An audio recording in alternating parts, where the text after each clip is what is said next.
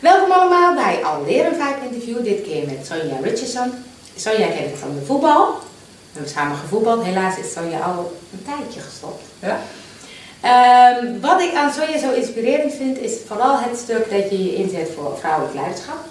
En ook wel dat je zo'n grote denker bent, vind ik. Kijk. Ja! Je Maar je, mag eerst, ja, ja, maar je mag eerst vertellen wat je zelf doet, want dan ga ik daarna nog uitleggen wat ik daar zo mooi vind. Dat is goed. Wil je dat ik dat tegen jou vertel of wil je dat ik dat... Nou, mag allebei, een beetje zo. Mag bij. Praat maar tegen mij, want dat is makkelijk. Ik praat gewoon tegen jou. Ehm, dus inderdaad, volgens mij heb je mij gevraagd voor, omdat ik ehm, al, inmiddels al vijf jaar betrokken ben bij Professional Women's Network. En al iets langer eh, daar ook wel lid van, maar redelijk snel actief geworden. Mhm. En eh, door wat verschillende functies in één keer mezelf vond op de plek van voorzitter van de Global Netwerk.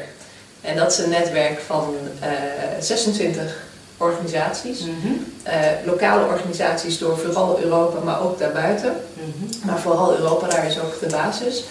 En ehm, al die netwerken, het heet allemaal Professional Network, eh, Women's Network, Amsterdam, Professional Women's Network, Londen, wherever. Ehm, en die zetten zich in voor vrouwelijk leiderschap. Het is een vrijwilligersorganisatie en wij bereiken meer dan 40.000, voornamelijk vrouwen, Ja. maar ook zeker mannen die geloven dat vrouwen meer in leiderschapsposities zouden moeten zijn. Maar waarom moet dat? Waarom jou? moet dat? Nou ja, dus misschien goed om dan iets te vertellen over mijn achtergrond. Ja, graag.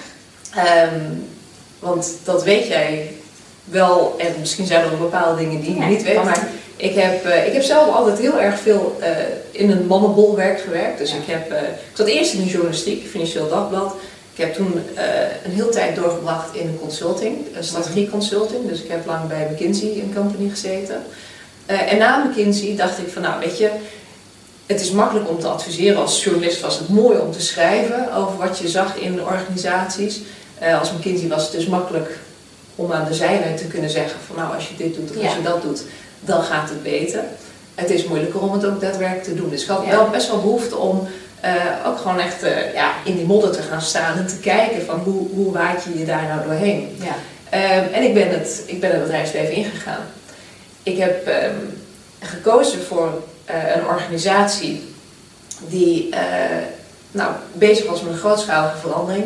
En aan mij was ook de eer om die verandering wereldwijd ook eh, uit, te, eh, uit te rollen en in te voeren en te implementeren. Ik dacht, nou weet je, dit is precies dat. Het ging allemaal over cultuur en transformatie. Eh, en ehm, ja, prachtig, prachtig werk. Ik had eigenlijk altijd al met mannen gewerkt, maar er was nooit het gevoel van ehm, dat het het denkproces hinderde. Totdat ik in een cultuur kwam, want dat was de organisatie waar ik werkte, waar de mannen, aanwezig maar alleen maar mannelijk leiderschap, Mhm. ook echt bepaalde wat de cultuur was.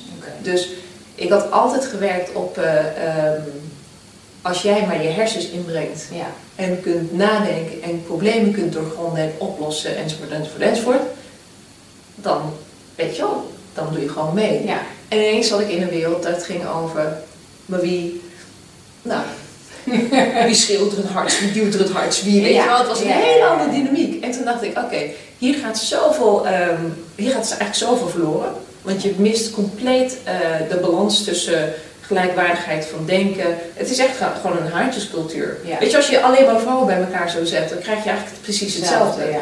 Dus eh, ik had zoiets van, ja, weet je, dit is gewoon echt geen plek waar ik me fijn voel. Het is Ja. niet een plek waar ik tot mijn recht kom. Eh, er wordt heel veel gemist en er worden, hele, er worden beslissingen genomen in deze organisatie die eigenlijk niet echt op eh, feiten gebaseerd zijn, Ja. maar die op het hardst of het best of het whatever. Ja. En eh, dat gebeurt natuurlijk overal. Ja. Maar ik, wel- ik had nooit zelf zo heftig ervaren. En ehm, ondertussen had ik al een prachtig mooi proces doorlopen met, het, met die transformatie van die organisatie. Ik wist dat de cultuur niet bij me paste, maar het werk wat ik deed vond ik wel mooi. Ja. En eh, toen ben ik eruit gestapt en toen ben ik eh, ehm, eigenlijk met mijn ervaring van McKinsey, maar specifiek ook die hele grote transformatie die ik heb mogen begeleiden, ben ik eruit gestapt en heb ik gezegd, weet je, eh, autonomie, autonomie van denken is voor mij heel belangrijk. Ja. Eh, en eh, dit soort trajecten waar het gaat over grootschalige cultuurverandering, Mhm. vind ik prachtig, want dan heb je het over mensen. Ja. Eh, en eh, dus eh, ben ik voor mezelf aan de slag gegaan en inmiddels met twee oud-collega's van McKinsey als Spark Change for Growth eh, ehm, zijn we met z'n drieën goed bezig aan, aan nou, dit soort trajecten te Maar hoe, hoe, want op een gegeven moment zeg je, oké, ik pas daar niet bij. Hoe neem je dan de beslissing, ik stap eruit en ik ga voor mezelf? Ehm, ja, nou ja, weet je, dat, dat, het zat op een gegeven moment zo in mijn lijf. En eh, dit klinkt misschien heel gek, maar ehm, het was midden in de, de eh, tijd van de financiële crisis. Dus we hebben het over net zijn de hele Lehman Brothers, dat was net omgevallen. 2008 eh, hadden we gehad, 2009 eh, eh, zaten we vol in. En het ging gewoon niet goed met de wereldeconomie. Ik voelde me niet gelukkig. Mijn partner thuis had net een kleintje gekregen. Dus we waren net bezig om een gezin te starten. Ehm, en ik, ja, in, dus soort van, ik merkte ook dat ik, dat ik mijn zoon niet veel kon zien. Omdat ik echt helemaal opgesloten werd door dat werk. eh, wat me ook nog heel veel energie kostte. Dus ik was, weet je, eigenlijk alles zat niet goed. En, ehm, en de wereldeconomie lag op zijn gat. Dus ik weet nog dat ik tegen Mirja zei... ehm, als er één moment is waarop jij waarschijnlijk makkelijk onbetaald vlof zou kunnen krijgen, dan is dit het moment. en zo gezegd, zo gedaan. Dus ik ben eruit gestapt en, eh, en we zijn op wereldreis gegaan. En, ehm, ehm, want dat was, eh, dat was de gedachte, we hadden altijd gezegd we willen op wereldreis. En het was echt zo van, nou weet je, als er nog een kleine komt, en die is ook gekomen, dan, ehm, dan wordt het misschien allemaal wat lastiger. Dus een soort van, het was eh, een perfect storm, zoals ze wel eens noemen, dat de dingen zo bij elkaar kwamen. En, en die vier maanden deden me realiseren hoeveel, nou, gewoon hoe, hoe verkeerd die cultuur ook was geweest.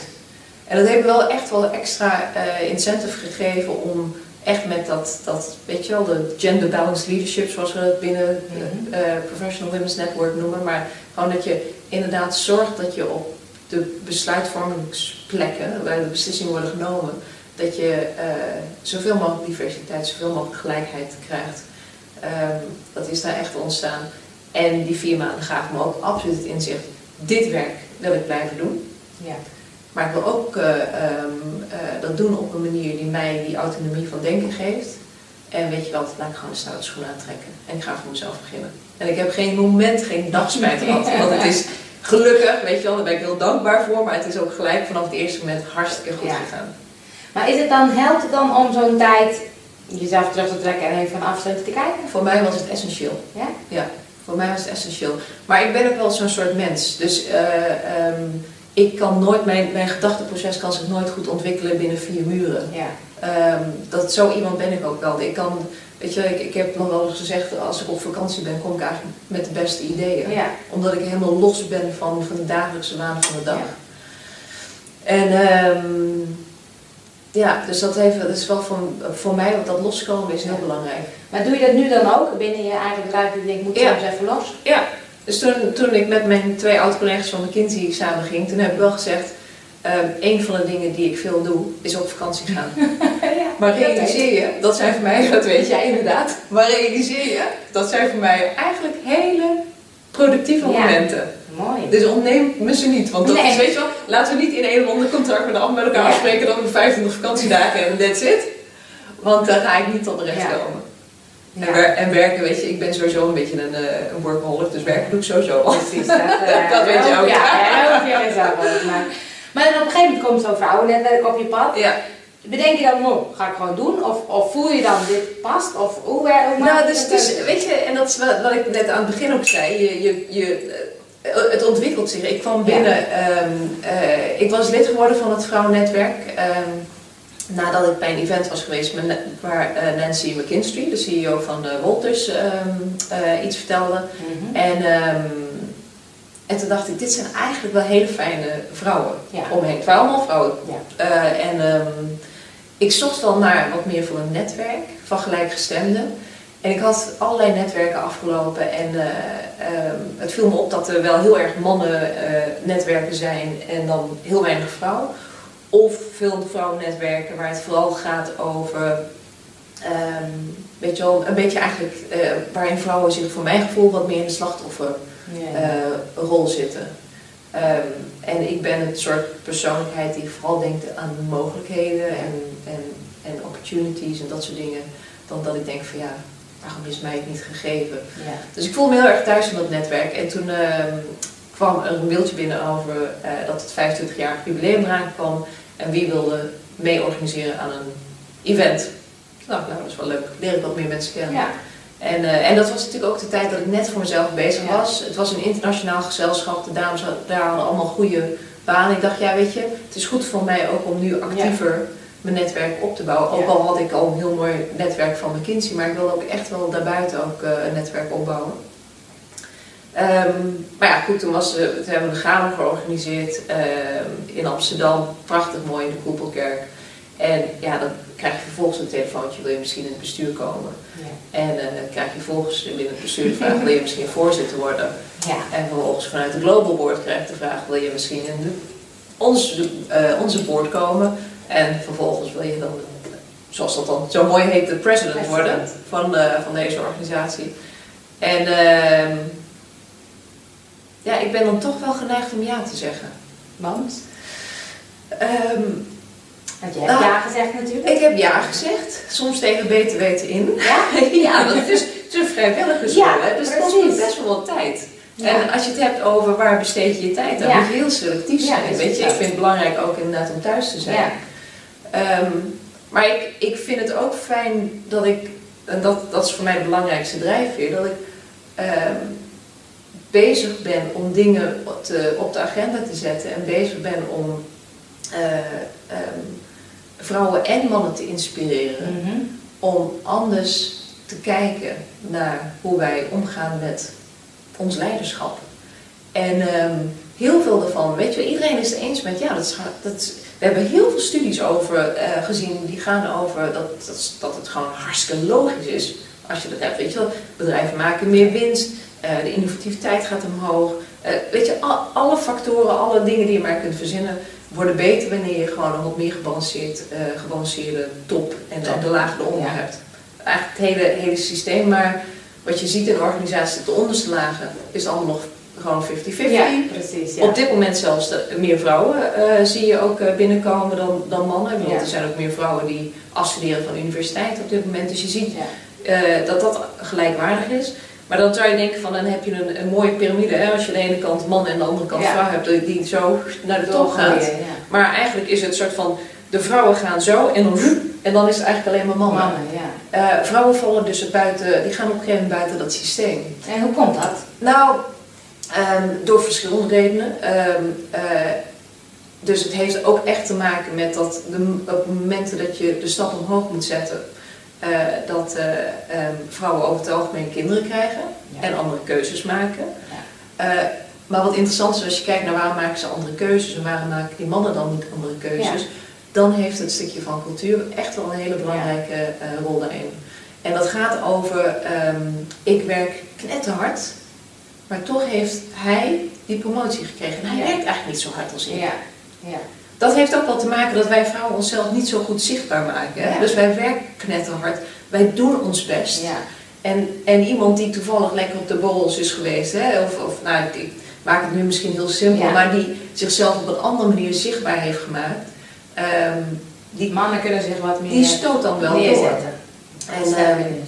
Nou ja, en, en inderdaad, vrouwen hebben ook niet de neiging. Dat is ook heel ander bekend. En we vinden, weet je wel, dat is ook een van de dingen die ik steeds doe. Van, eh, je bent meer waard dan dat je denkt. Ja. Dus zorg dat je dat ook gewoon, ga er gewoon voor staan, weet je. Ja. Eh, want wij vrouwen, eh, vergeleken met mannen, zien onszelf ook. Weet je, dat al het onderzoek wijst dat uit. Wij, wij, wij waarderen onszelf niet zo Nee, als mannen dat doen. ja, en, en we zien onze prestaties ook niet als ehm, ja, zo goed als dat mannen Ja. zich van zichzelf zouden omschrijven. Ja. Dus als wij een meeting, of als wij het horen krijgen van, nou, hè, dat was een fantastisch project, heb je hartstikke goed gedaan, Angel. Dan zou jij als vrouw, zeg maar generiek gesproken, zou jij zeggen, ja, nou ja, ik heb dat met mijn team gedaan. Ja. Terwijl als jij een man bent, dan zeg je, dankjewel. dat vond ik eigenlijk ook. Ja, precies. Ja. Dus ik had toevallig de afgelopen eh, week was ik met een dame aan het spreken die op een hoge functie zit. En, eh, ja, en die is nu ook gevraagd eh, om in het, een beetje in het sprekerscircuit. En was ook gevraagd om nu dagvoorzitter te worden. En toen had een van haar collega's gezegd van, ehm, ehm, weet je wel, dat ben je echt ook waard. Weet je? En dat Ja. zij zoiets had van, "Oeh, is dat zo? Ja. weet je wel? Eh, ehm. en, en, toen, en toen zei ik tegen haar van, nou, ik, eh, ik hoop dat je bent omgedraaid en dat je tegen me hebt gezegd, nou, ik ben blij dat jij dat ook eens een keer door hebt. Maar dat is dus wel inderdaad wat, wat, wat vrouwen klein houdt daardoor dus. Nou ja, ook, maar het is absoluut, weet je, eh, eh, En- en. laat, het is zeker Ja. en en. Ja. Het gegeven waarom vrouwen niet aan de top zitten, heeft voor zo'n klein deel te maken met de vrouw zelf. En heeft een veel groter deel te maken met eh, wat dan in de literatuur zo mooi unconscious bias heet. Dus eh, ehm, het onbewuste eh, vooroordeel wat wij hebben. Ja. En dat hebben zowel man als vrouw. Ja. dat is een prachtig mooi onderzoek wat Esther Wouma heeft gedaan. En, ehm, en dat onderwijs wijst uit van als je mannen en vrouwen vraagt wie zie je ehm, als, het liefst als baas, nou ja, dan heb je, wat was het volgens mij iets van 87% van de man zegt een man, Ja. maar nou, ik weet niet of nou 81 of 82% van de vrouw ziet ook het liefst een Ja? als baas of als leidinggever. Maar weet je, dat Ja, heeft dat alles te maken met ons, ons beeld van wat mannen en vrouwen zijn. Dat zo heeft het alles te maken met hoe we zijn opgevoed, eh, opgegroeid, wie we als dokter hebben gezien, wie we als eh, manager hebben gezien. En je, je nou, zoals, dat dan, zoals zij dat zo mooi noemt, mindbugs, onze, onze hersens, eh, om effectiever te zijn, programmeren gewoon dingetjes in. Ja. Eh, en, ehm, en dat betekent dus dat met dit hele vraagstuk moet je bewuste keuzes maken, want onbewust gaat het nooit lukken. Nee. Onbewust gaat het Maar nooit leg eens uit, hoe maak je een bewuste keuze? Hoe, wat moet je doen? Dus organisaties moeten bewust kijken naar ehm, eh, aannamebeleid, Ja. promotiebeleid. Eh, en moeten echt kijken naar, ehm, eh, weet je wel, van oké, we hebben een recruitmentbureau voor een functie in onze organisatie op een wat hoger niveau. Eh, we hebben hier een, een longlist gemaakt. Nou, die longlist moet zeker 50-50 procent zijn. En de shortlist moet je eigenlijk altijd een vrouw ertussen hebben. Ja. En je wil niet weten hoeveel headhunters er zijn die dan zeggen, ja maar die zijn er niet. En het is op dit moment nog vaak afhankelijk van de CEO's of de raad van commissarissen. Het hangt er een beetje vanaf wat voor niveau eh, zo'n functie is. Mhm. Ehm, of er dan iemand tussen zit die zegt, maar dat accepteer ik niet. Je komt maar bij me terug als je een goede Ja, baan hebt gevonden. Ja, Maar moet je eens kijken, dat is Ja. bijna een, weet je wel. Je moet heel Ja. veel soort van mensen overtuigen van, Ja. laten we dat wel als uitgangspunt hebben en laten we ons daar ook aan houden. En niet zeggen van ja, die zijn er niet. Oh, oké. Nou, dan, hebben we, kunnen, wel, kunnen we ja. kiezen tussen deze drie mannen. Ja. Weet je wel? Ja. Ehm, dus eh, in zoverre is het bewust. Het is ook bewust, ik bedoel, de, de kleinlaag met name is eh, eh, op het niveau van eigenlijk waar vrouwen eruit stappen, het managementniveau. Ja. Ehm, dus dan hebben we het over ja, gewoon een gemiddelde leeftijd ergens tussen de 35 en 45. Eh, dat is echt de kleinlaag. En je ziet daarin de eh, mentaliteit van de, van de mensen op, eh, eh, die dan in de leidinggevende, in de managersrollen zitten. Dat, ehm, nou, dat, dat, dat ze eh, ehm, niet die bewuste, dat bewuste perspectief hebben of zelfs willen hebben. Ja. Want dat niveau ziet nog niet echt dat als zij gezamenlijk allemaal eigenlijk niet die bewuste keuze maken, dat het, dat betekent dat die filter naar boven in één keer heel wat kleiner wordt. Ja. Want die zien daaronder, ja, ik heb toch, ik heb genoeg vrouwen, weet je wel. Ja. Dus het is, Maar dan, ja, dan zien ze dat niet. nee, Ja. ja, Maar wat ik, eh, wat ik dan inderdaad bij bijvoorbeeld bij Nooit meer dieet, ik heb vooral met vrouwen gewerkt. ja, Wat een groot probleem was bij vrouwen is dat ze alle ballen in de lucht moeten houden. Ze Ja. hebben en kinderen en ze willen een leuke baan, ze willen een leuke vriendengroep, ze willen...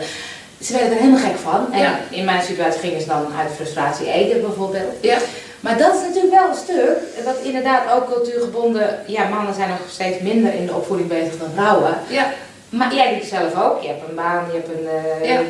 je en een gezin. Ja. Hoe doe je dat? En Ja. hoe moeten vrouwen dat doen? Dat is volgens mij een heel groot probleem. Dat Waardoor ze ook niet die stap naar boven maken. Ja, en dat is dus eh, zeg maar de enorme kracht van vrouwen, dat ze in staat zijn om meerdere dingen tegelijkertijd te doen.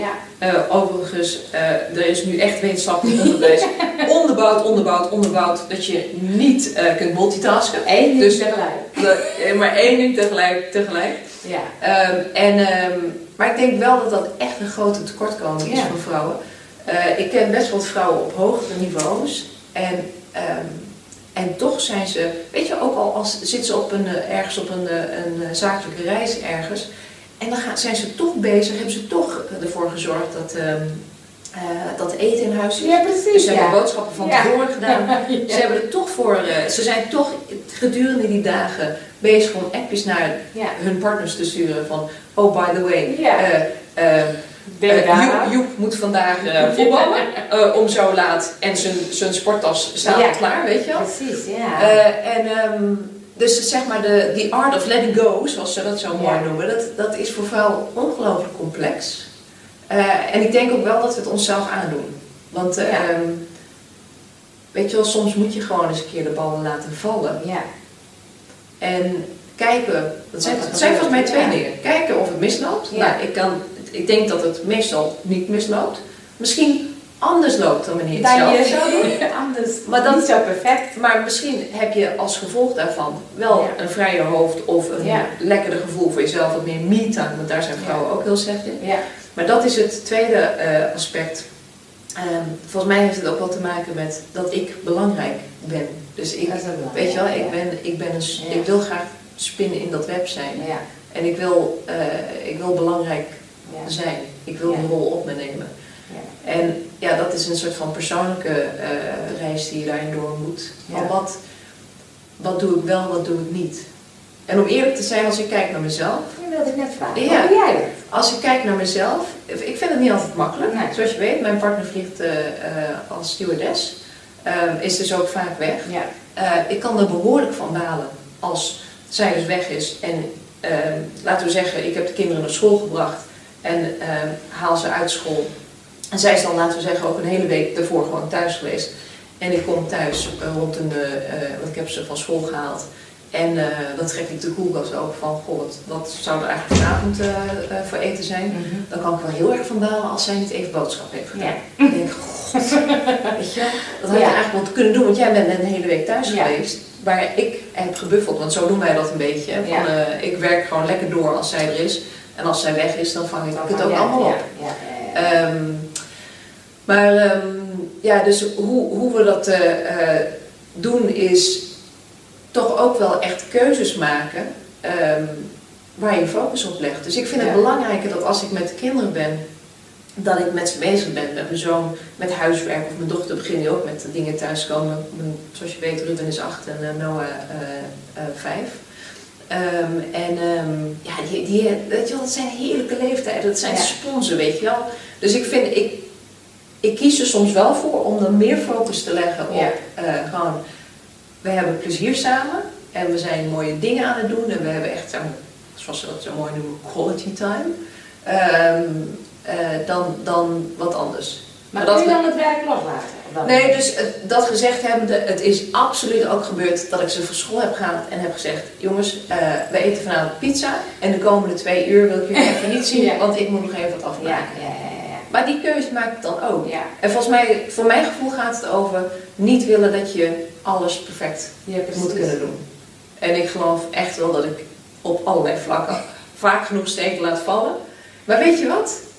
Ehm er is één, één les die ik heb geleerd toen ik bij eh, McKinsey eh, kwam werken. En dat, dat, weet je wel, dat werd je echt ingeprent geprent van pick your battles. Ja. Dus maak je keuzes over dingen waar je Ja. tijd in stopt. Ja. En dat is niet alleen over, in het geval van battles, over eh, waar je inderdaad heftige ruzie over gaat maken omdat het echt niet goed is.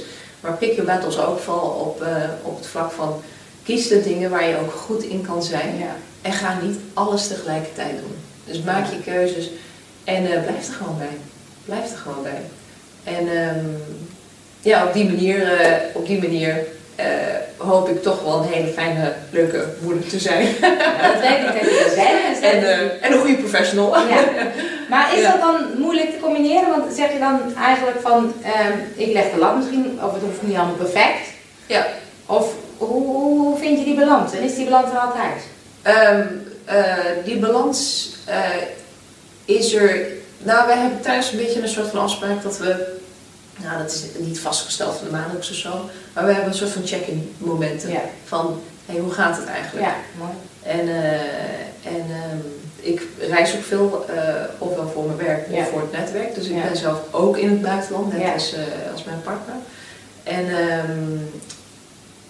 nou ja, en, en dan, we hebben, we hebben absoluut wel gehad dat we elkaar soort van op Schiphol hebben afgewisseld. En, ehm, en dat wil je niet, eh, dat wil je niet te vaak Nee. meemaken. Dat is Nee. echt niet leuk. nee. Dus eh, ja, weet je, het, het is ook een beetje luisteren naar, naar gewoon het lijf. En wat zegt dat lijf? Ik voel me lekker of ik voel me niet lekker.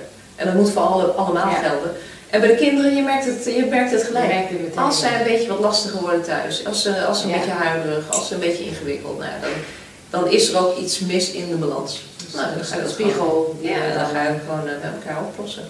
En hoe luister je? Want nu, nu heb je je eigen bedrijf, je hebt je netwerk, je hebt je gezin. Hoe luister je naar je, je passie, intuïtie, je inspiratie? Hoe, hoe denk je, heb je dan een bepaald punt op de horizon, daar zou ik graag heen willen? Of zeg je, ik laat het gewoon... Ik, dacht, ik had altijd een eh, overtuiging in de maakbaarheid van het eh, leven. daar ben ik, eh, daar ben ik een paar jaar geleden wel redelijk van afgestapt. Ja, ja, ja, ja, ja.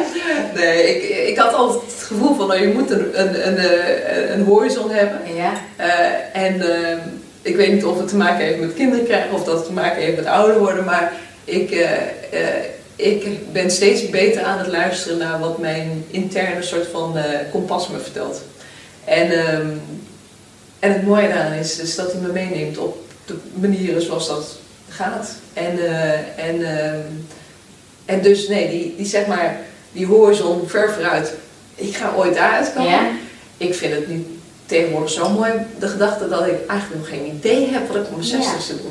Dat vind ik zo leuk. Ik denk bij mezelf, er kan nog van alles gebeuren. ja, is ook zo. Ja. Maar hoe luister je dan naar het interne kompas? Hoe merk je dat die jou bijstuurt of, of, of, of een andere kant op gaan? Of jij Nee, ik denk dat dat echt wel ook te maken heeft met het feit dat ik nu al zes jaar eh, echt uit de corporate wereld ben. Dus het, is voor, het is ook een beetje bepalen wat voor jezelf bela- belangrijk is. Voor mij is die, ik had het over die autonomie van, eh, van denken is belangrijk.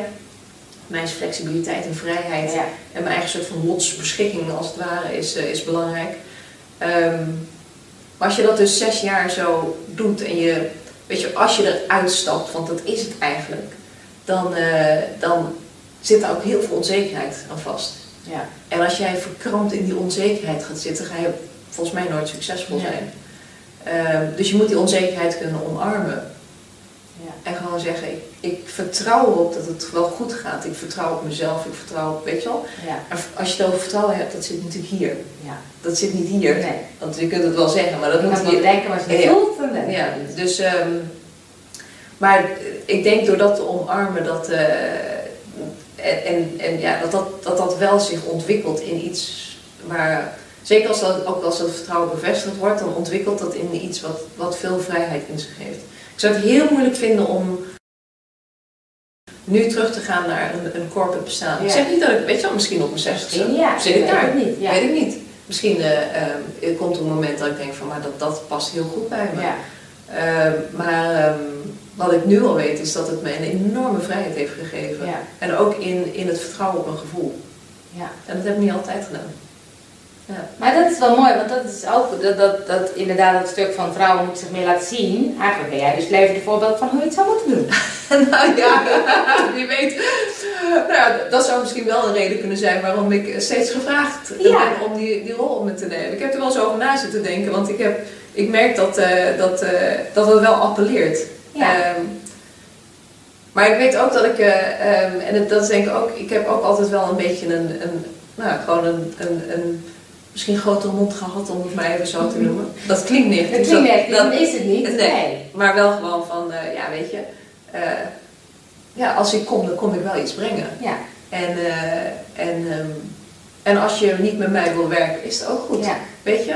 Dus er zit een gewoon... Maar dat is dat stuk van die, wat jij zegt, die, mannelijke, dat die mannen kunnen dat veel beter. Jij hebt het dus jezelf ook aangeleerd. Van luister eens, ja. wie ben ik? En ik heb wel bewust echt successen aanvaard, weet je. Ik heb wel bewust gewoon gezegd, dankjewel. Ja. In plaats van, uh, oh, weet wel dat, ja. weet je.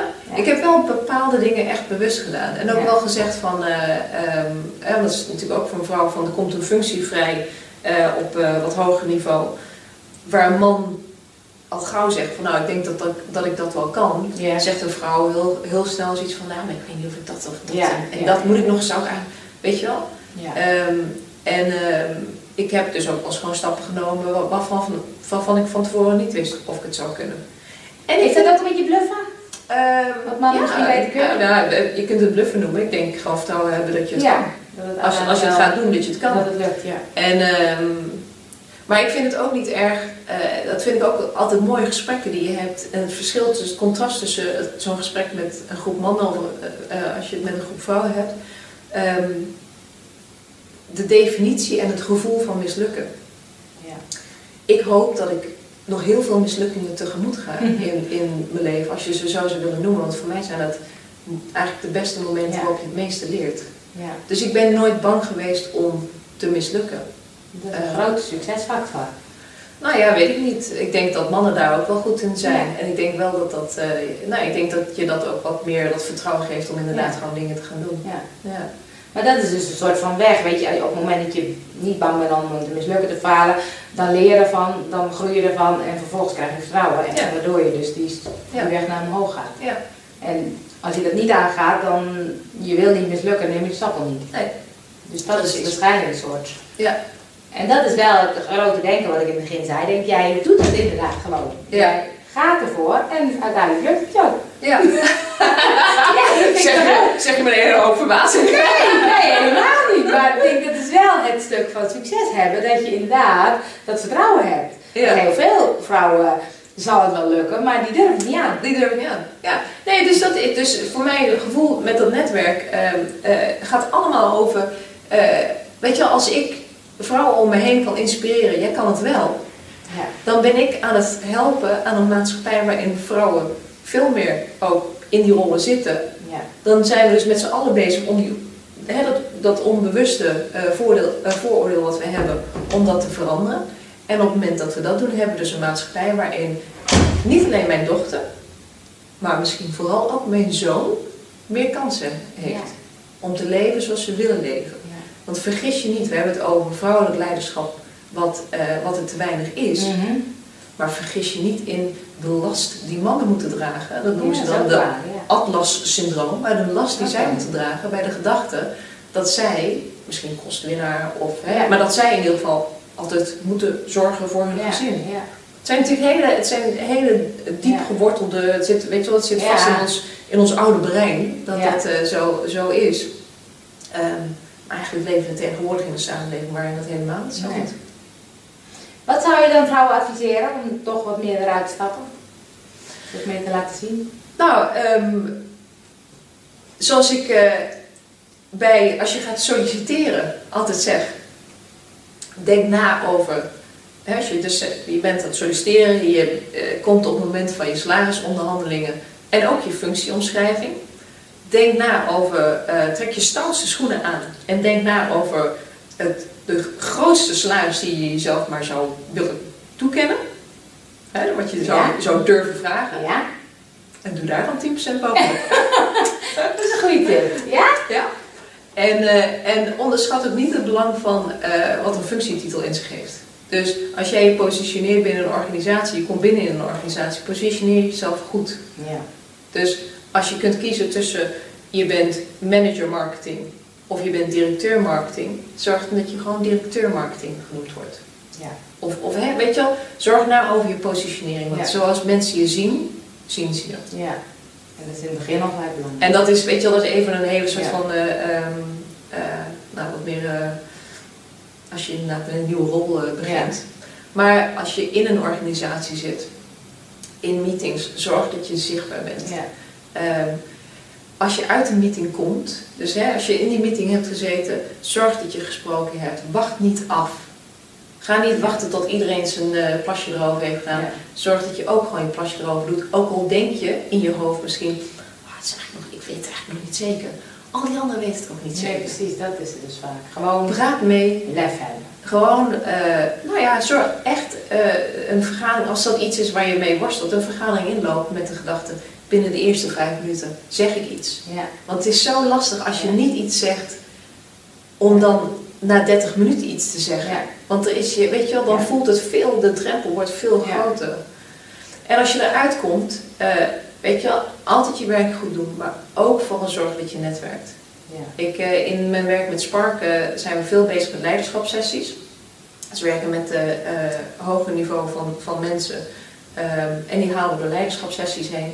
En heel veel, ik bedoel, dat zijn sessies over het algemeen van eh, twee of drie dagen. Ja. Eh, en iedereen heeft altijd nog werk daarnaast. Ja. Hè, want het gewoon leven gaat door. Ze worden uit hun, eh, hun context gehaald. De vrouwen zijn geneigd om na de sessie achter een laptop te kruipen Ja. in hun hotelkamertje. Ja. De mannen die zitten in de bar. En ik zeg altijd tegen de vrouwen, dit is eigenlijk het moment waarop je moet netwerken. Ja, precies. Niet naar je computer gaan, Nee. laat maar. Nou, dat komt wel. En weet je, eigenlijk tien van de e-mails waar je op wilde reageren, daar zijn er misschien wel negen van opgelost als jij weer op terugkomt op kantoor. Ja, ja, ja. Dus laat maar. Ja. Maar het is heel moeilijk, weet je, dat is makkelijker gezegd dan gedaan. Eh, maar dat is belangrijk. En, eh, en eh, als er een functie vrijkomt en je denkt, "Ah, ik denk dat nog niet dat ik dat kan. Nou, toch gewoon proberen. Ja, ik las ergens dat, dat fake it till you become it. Fake it till you become Dat it. lijkt echt zo te werken. Ja. Nou, dat is een geweldige TED-talk. eh inderdaad, fake it till you become it. Ehm, en eh, eh, dat gaat eigenlijk over als jij bezig bent met grotere risico's nemen, Mhm. dat, dat het inderdaad zichzelf ook terugbetaalt. Ja. Ehm, eh, het denken is dat, ehm, eh, en dan ben ik even de naam kwijt, zij is- heeft ook een geweldig boek geschreven, Amy nog wat. Maar geweldig, geweldige TED Talk. Eh, wat zij zegt is als je dus inderdaad een beetje zenuwachtig bent of je vindt dingen spannend, eh, als jij voor een vergadering in de toilet gaat staan en je gaat even gewoon 10 seconden zo, Oh ja? of in meetings, eh power poses, dus jezelf groot maken. Wat er gebeurt in je lijf is, ehm, jouw lichaam maakt dan natuurlijkerwijs meer testosteron aan. Oké. Laat het nou zijn dat vrouwen daar niet zoveel van hebben en mannen juist heel veel. Precies. Op het moment dat je meer testosteron neemt, eh, hebt, eh, durf je ook meer risico's te nemen. Ah, Oké, wat goed. En durf je dingen te doen. Dus eh, ja. Dus dat gaan we allemaal doen in Oh, deze absoluut. Ja, ja. Nou, het is, het is wel grappig. Het is een beetje terug naar dat, eh, dat denken van, eh hoe hoort hij ook weer? Die, eh, Ja, dat tjaka. dat- ja, ja, precies. Emily, eh, Emily Raterbal, ja. Tjaka. Maar het is- Maar ergens doet het natuurlijk wel het houden in. Er is iets over inderdaad, maak jezelf Ja. groot. Weet je wel, ook al in calls, als jij een beroep hebt en er zijn er steeds meer van, dat je constant aan de telefoon zit. Ik zeg, ga altijd staan. Ja, Ga altijd staan. grappig, ja. Maak je, en in, in meetings, weet je wel, ga Ja. zo zitten. Zorg Ja. dat je alle weet je wel, dus dat soort, want ik geloof heel erg in dat als je, nou, ik, ik denk dat dat, zou je wel herkennen, dat als je ergens naartoe gaat, dat je het een beetje spannend vindt. Ik heb jarenlang heb ik een soort van powersuit gehad, weet je wel. Oh, dat wordt een, dat wordt een lastige, dat trekt mijn powersuit aan. Oh, dat, ja. je echt gewoon, eh, dat je echt gewoon inderdaad iets, ja. dat je denkt van, eh, Ja. ja. daar voel ik me, daar voel ik me ook echt krachtiger in. Ja, En ehm, ja, mooi. ja. Laatste vraag over passie. Wat is nou voor jou een gouden tip of een, iets voor jezelf dat je denkt, hé, hey, daardoor merk ik dat ik altijd weer mijn passie blijf, mijn passie volg of mijn... Wat is daar belangrijk in? Weet je dat? Zo, dat is een eh, mooie, Ja, mooie mooie je- Het gaat uiteindelijk over passie. Het gaat Passie, inspiratie. Dus hoe merk je dat ik denk, hé, hey, zo zit ik nog. Want dit, dit is een onderwerp, denk ik, daar, praat je voor passie over. Ja. Dus het raak je. Maar hoe, hoe merk je dat je dus inderdaad op dat pad blijft? Of, Nou, wij zijn eh, binnen Spark, dus samen met uh, Mirna en Inge, ehm, ons gedachtegoed gaat over als je binnen organisaties die veranderingen doorgaan, of het nou een cultuurverandering is Mhm. of een nieuwe strategie eh, hè, of nieuw leiderschap, verzin het maar. Ehm, wat je nodig hebt is een bron van energie die je helpt om die verandering voor elkaar te krijgen. Eh, en belangrijk daarin is dat je vooruitkijkt naar wat komt, eh, maar vooral ook in het heden bent en het verleden eert. Mooi. En ehm, als je het hebt over die, die, wat geeft energie, nou, als je dus luistert naar je eigen lichaam, Ja. dan weet je dat bepaalde dingen je meer energie geven dan andere. Ja. En Weet je dat of voel je dat?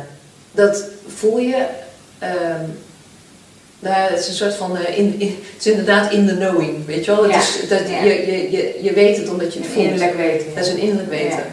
En, ehm, en het is een beetje wat ik zei eh, toen straks over dat gevoel van dat, dat daar heb ik steeds beter naar leren luisteren.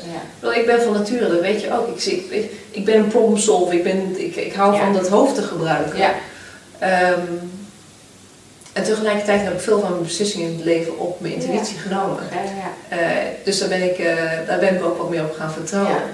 Eh, en ehm, ik vind passie altijd een heel lastig woord, weet je. Wat dat nou precies is. En Maar dat energie krijgen, dat, dat, ja, dat is hem wel. ja, dus ik tap in op mijn energie. Ik, en, en gek genoeg kan ik steeds beter echt letterlijk voelen voor een, bijvoorbeeld als ik een, een call in moet of Mhm. wat dan ook, eh, van nou, nou, dit gaat me energie kosten. Ja. En eh, ja, 9 van de 10 keer moet je het toch gewoon doen. Ja. En dan accepteer je het maar. Maar weet je wat? Soms zijn er ook momenten dat je zegt van nou, Even niet. ik doe het lekker niet.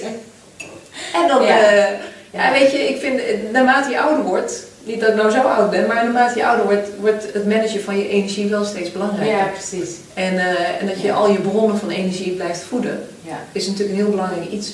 Ja. En weet je, organisaties worstelen zo met burn-outs en, Ja, en, precies. eh, en mensen worstelen met burn-outs, weet je wel. Eh, dus hoe, hoe hou je jezelf gezond, hoe hou je jezelf Ja. Ehm, ja, vooral energiek.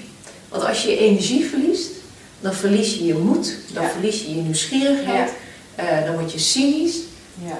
En dat is een plek die heel onaangenaam is. Ja. Dat was de enige commentaar. Dat is mooi. Nee, dat is mooi, maar die energie is mooi. Ja. Dat is een mooie afsluiting. Dankjewel. Jij bedankt. Ik eh, kan nog veel langer met je praten, maar is het eh, al langere tijd, dus we sluiten hem af. Heel veel dank.